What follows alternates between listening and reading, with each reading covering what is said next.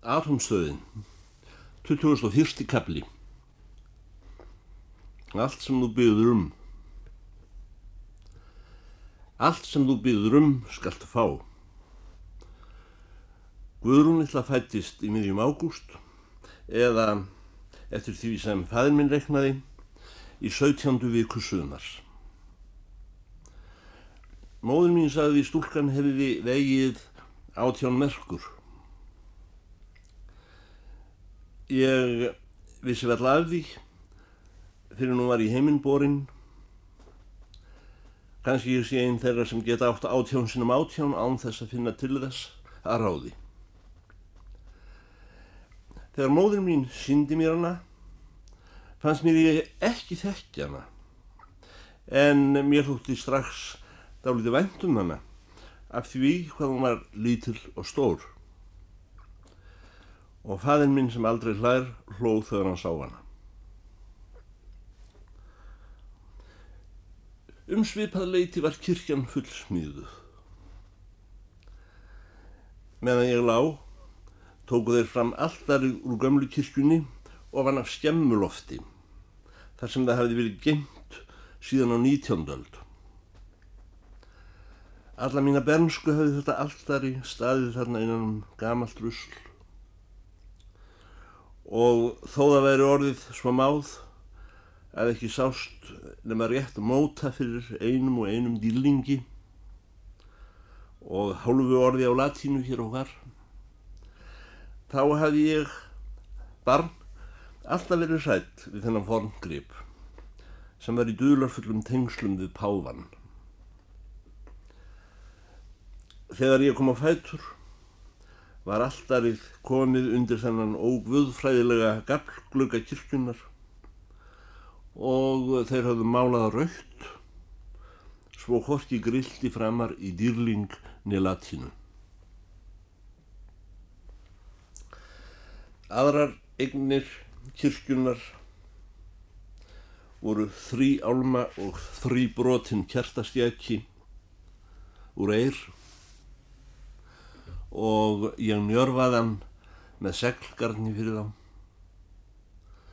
Svo hann gætt hangið saman ef ekki var komið við hann. Loks koparskarbítur. Með þessa pjöngur ætlum við að hefja svo kallað andlegt líf á nýja leik hér í dölum norður. Presturinn vildi skýra Guðrúnulitlu um leið og kirkjan veri vígð. En þegar ég sáð honum ég væri orðin hrætt við galdraverk og særingar og spurði hvort hann teldi ekki ábyrðar hluta að helga saglust barn þeirri stopnum sem hefði verið höfuð óvinnur mannlegra náttúru í 2000 ár og líst sér andstæðing sköpunarverksins og spurði hvort ekki verið hyggilegar að hafa bílið sem lengst millir guða og manna. Þá brosti hann aðeins og klappaði mér á kinnina, hvíslaði síðan að mér í trúnaði. Takktu ekkert mark á því sem ég kann að lesa upp úr handbókinni með vörunum. Í huganum skýrum við hana til allífisbrekkunnar. Hvemfélagið kom með danskan smjörguð að rýsa upp úr rjómatrógi. En þegar átti til að taka var engin staður í kirkjunni að hengja hann, svo þær fóru með spjaldið aftur.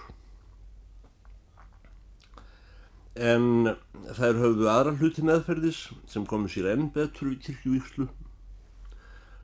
Horki meirann er minna en heilt veitingatjald með öllu sem þar heyrir, kaffi, eksporti og þeim ókynstrum af kökum sem framast verða hnoðar í sveit úr hveiti, makaríni, hvítasigri og drópum, auk kökunar randalínar í koffortum. Og þó slíkt bakkelsi kunni að hafa snert af blóðleysi, gerði það sitt til að bjarga móral dagsins, því útíða rigning og mikill svarti döði. Prestur og biskup heldu sína uh, tvær ræðurnar hór og þeir ófullu krosslögðu fæturna á víksl og dilluðu tá og töldu upp á þúsund og úr þúsund aftur á bagnir í einn upp aftur og aftur allan daginn um þess að ræðurnar voru á þróttum og kirkjan víð. Þar næst gaf presturinn Guðrúnur Lillu að lífisbrekkunni eftir samkómulæginu. Að messu lokinni voru semendugir spýtubekkirnir úr kirkjunni færðir út í þjald en síðar hafðir í eldin. Og eftir slóð kirkjan tóm nema full af semendslikt með raka vekki og málaði við dýrling og latín. Og þegar búið var að láta aftur bráðabyrðahurðina en henni hafi verið slegið saman úr varningskössum til næstu hundrað ára Þá kom í ljós á dýrónum stóðu þessi orð með svörtum prentstöðum og höfði smjörvíkiskerðin sunna. Loks var nefndur slagbrandur fyrir kirkjudörn að utan því ríkistyrkurinn hefði ekki hrokkið fyrir skrá.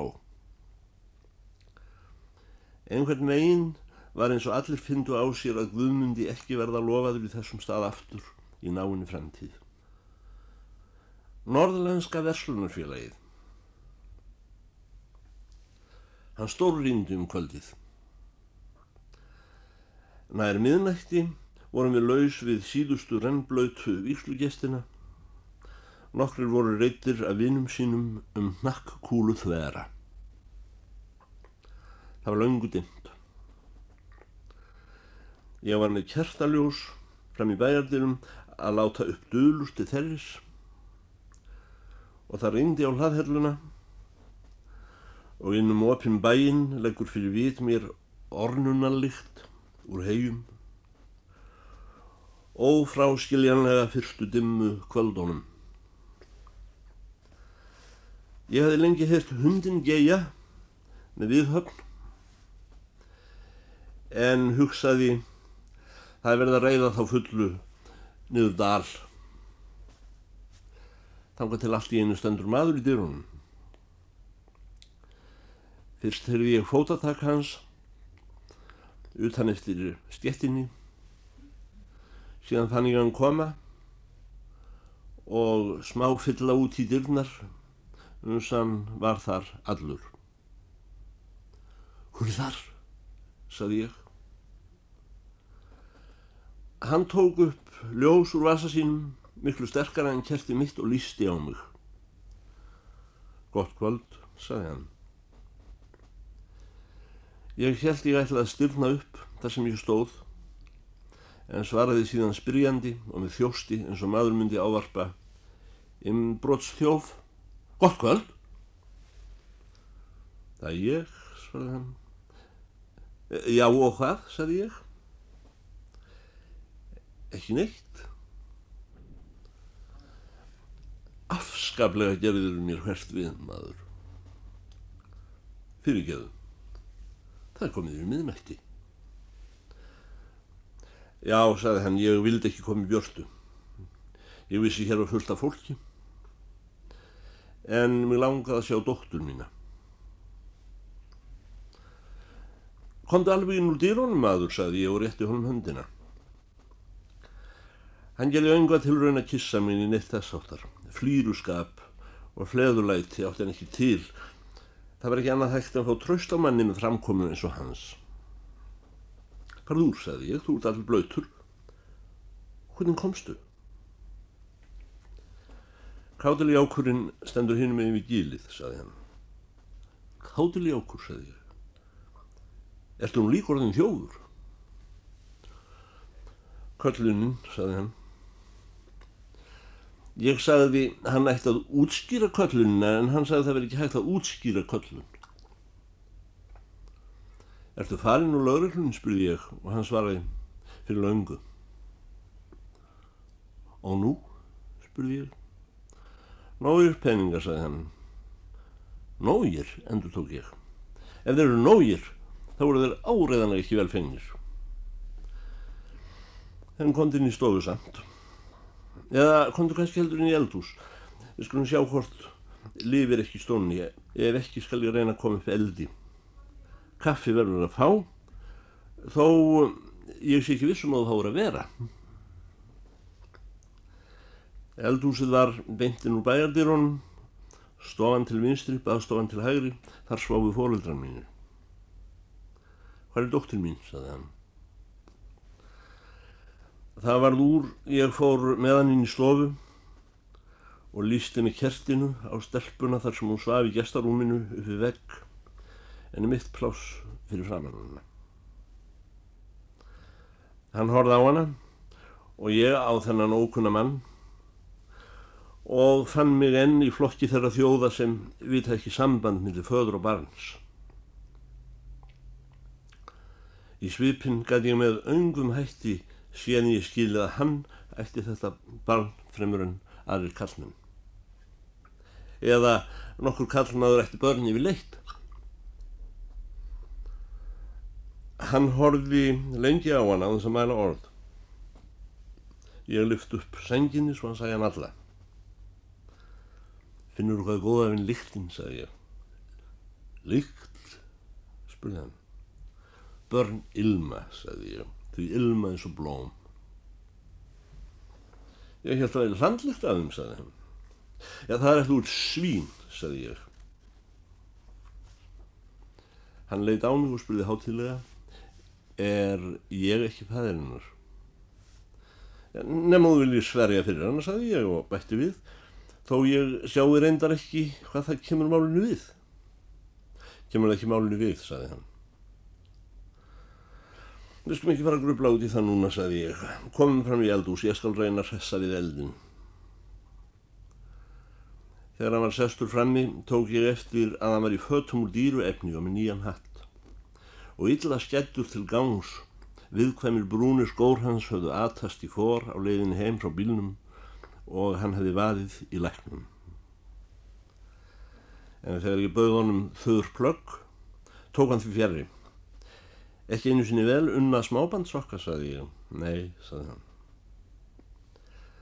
Það var það að leggja honum til samtalsefni eins og fyrir daginn. Hann talaði ógjarna fyrrabræði. En laungu eftir að hann var þagnaður eimdi eftir af rattreim hans í hlustmanni. Hvað er fréttum að sunnan, saði ég. Ekkert, saði hann. Hvernig líður organistanum okkar, saði ég og fann á samri stund uppgjöfina sem í því fólst að eh, játa sameign okkar í nokkru greiðin og eh, hann var ekki segn á sér að taka eftir því heldur. Organistin okkar endur tók hann. Og móður hans er dáin. En hann er að koma sér upp sjö nýjum tegundum af rós. Ég sagði hver gott væri að gleima fyrst og deyja síðan eins og súkona og þannest sagði ég heimurum veri áreðanlega ekki alvondur í grundvallaratriðum. Úr því tilværu svo margar tegundir af rós. Og hér er kakan Randalín.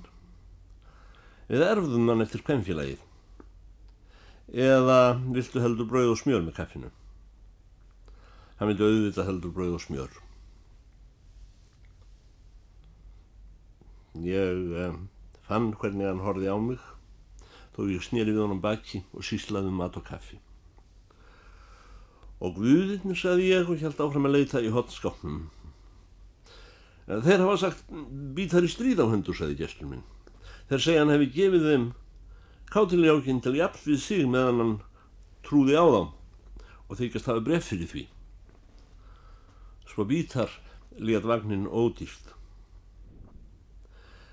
Og þér finnst Guðstug að hafa vagnin af greijónum, saði ég, þetta var þó þeirra mónt og ég segi fyrir mig, ég á erfitt að hugsa mér atomskáld án kátiljáks.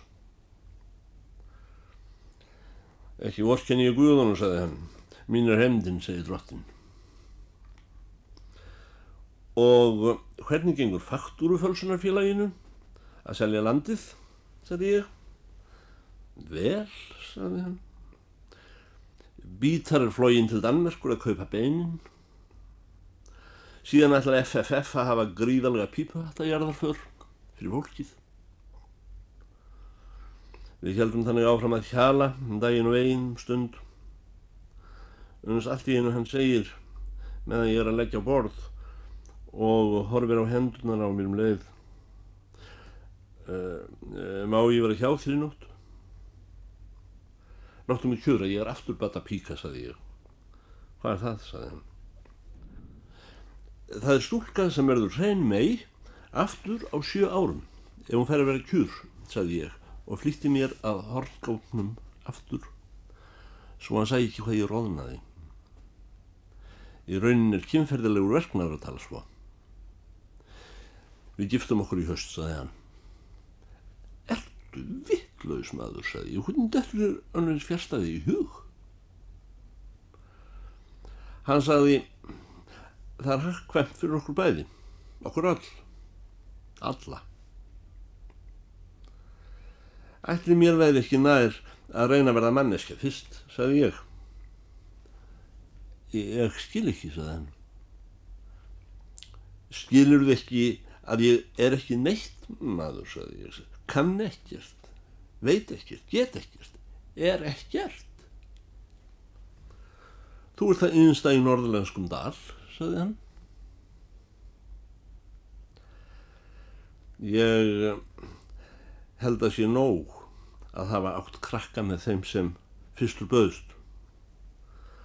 Þó maður bæti nú ekki gráan og svart með því að giftast honum. Akkur skelltur þá um hurðinni fyrra, sagði hann. Akkur heldur þau, sagði ég. Annar maður kannski, sagði hann, og ég fallin í ónáð. Auðvitað, sagði ég, alltaf annar og annar, nýr og nýr. Ég hef alltaf undan að sofa hjá. Akkur er lætur þú svona, sagði hann.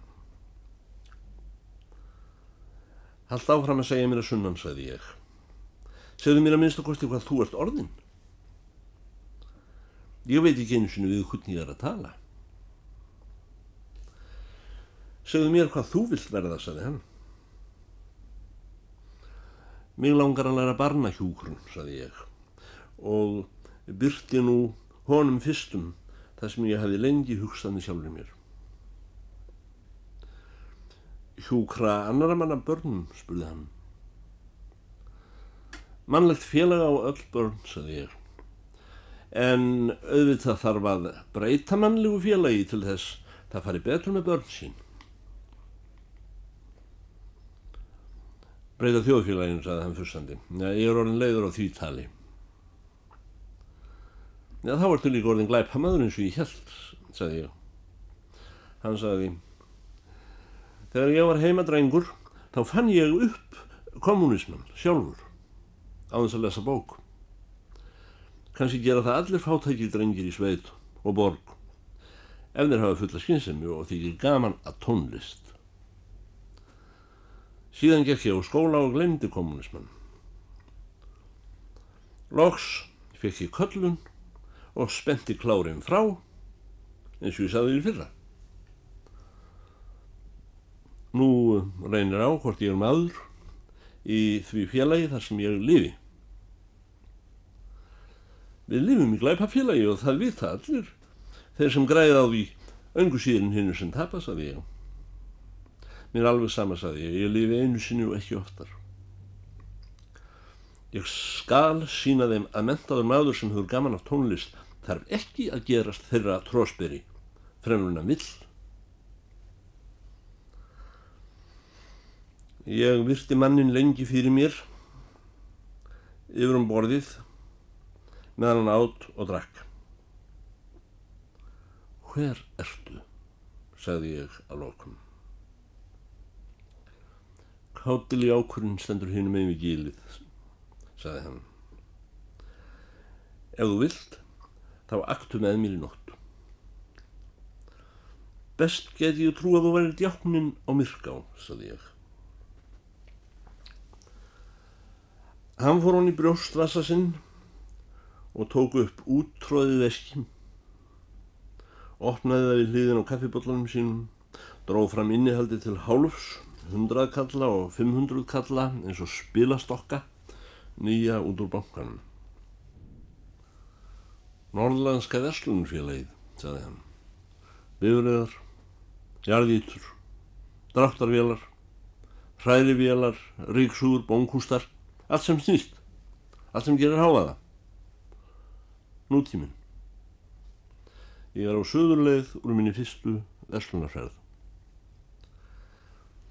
Ég rétti út höndina eftir penningunum og sagði Ég skal brenna þeim fyrir því góði en hann ítti þeim aftur inn í veskið og stakk á sig veskinu. Ég er ekki fyrir ofan mennina eins og guðirnir. Þaðan af síðu guðina eins og organistin, saði hann. Ég er maður. Peningarnir eru veruleikin. En, en uh, því sín ég þér í vasa mína að þú skalt ekki halda ég sé vittlaus. Sá sem heldur peningar séu veruleiki er vittlaus, sagði ég. Þess vegna brendi organistin peningunum og fekk liða hjá mér krónu fyrir brúsíkli. Og nú skal ég trúa þér fyrir lendarmáli á móti. Það er annar maður sem orkar enn meira á mig en þú. Ég þarf ekki að með þeim vita hann í hundrað kílometra fjallag til þess ég fái inn hér. En veistu hvað gerir mig hrætta við hann? Hann á þúsund sinnum meiri penning en þú og hefur bóðið að kaupa mér allt sem fæst í heiminum fyrir penninga. En ég kæri mig ekki um að verða miljón króna lígi í hvernmanns líki. Ég er það sem ég vinn sjálf.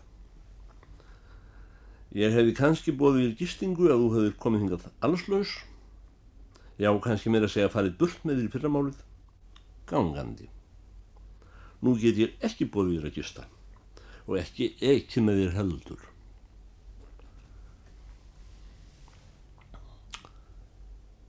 Tuttugust og annar kapli. Andlegið gestur. En að höstnótt vakna ég rétt í það mund sem byrjaðar grána fyrir degi. Ég heyr ekki betur en prestur okkar sé að tala við föður minn utan að hlaði innum opinn baðstofglukkan. Innan skams heyrist fótatakk gesta í bæjardirum. Ég klætti mig í skyndi og kom barninu undan en meðan ég var að taka til í gestastofu, hýbílum okkar maðgna, kom ég gestur inn.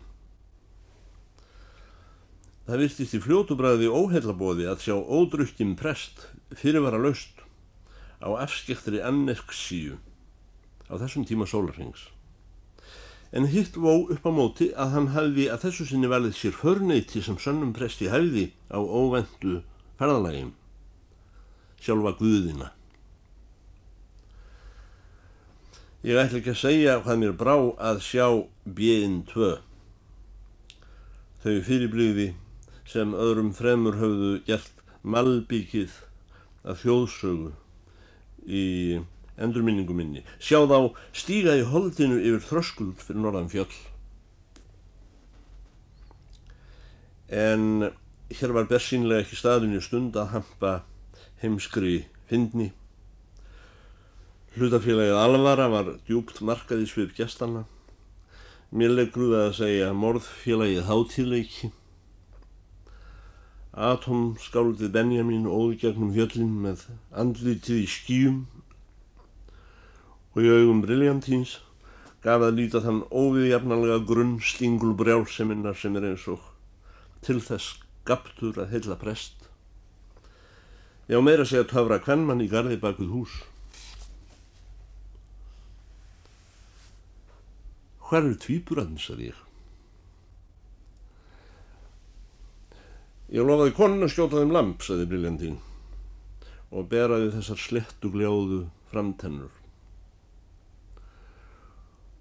Og þú komin upp í sveit, sagði við atomskálið sem settist örmagna niður á dívanin okkar. Allur heimurinn, einn stasjón, svaraði hann. Og ég, Benjamin, þessi litli bróður. Þeir koma færandi hendi, saði presturinn.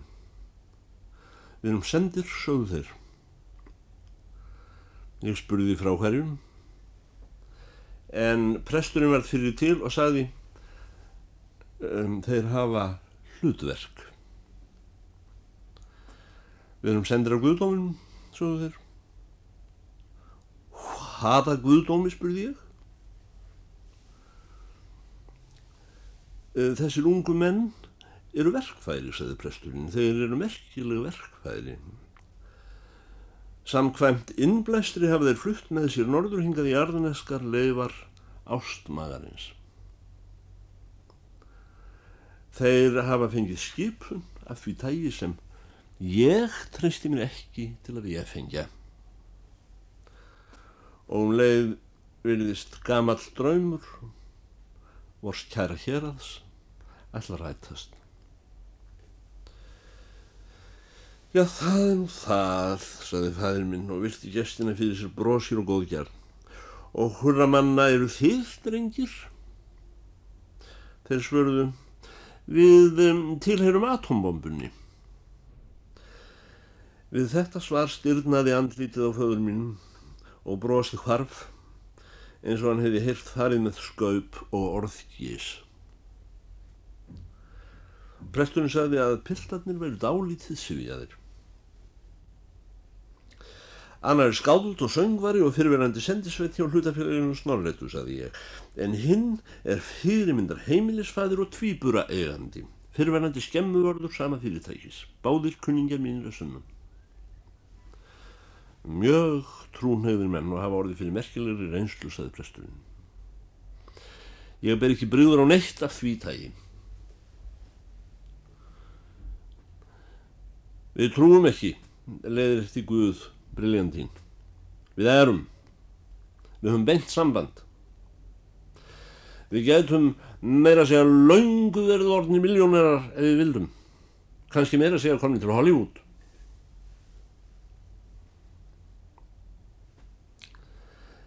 Við erum í stríði, saði Benjamin. Sá sem ekki trúar á okkur skal fyrst knosast, síðan útmást. Við hættum ekki fyrir við höfum stólið öllu og brotið allt. Síðan munum við brenna allt. Nýður með 200.000 naglbíta. Við munum ekki einu sinni þurma portugalskum sardinum nýja dönskum skýt. Er ég vittlaus eða er ég ekki vittlaus? Fadir mér var gengin út. Presturinn kinkaði kolli með sjálfum sér yfir þessum merkilegu verkfærum almættisins og bauði mín efið. En þeir vildu ekki annað en sjúa síkarettur sjálfra sín. Aftur á móti fekk presturinn að kveikja í hjá þeim.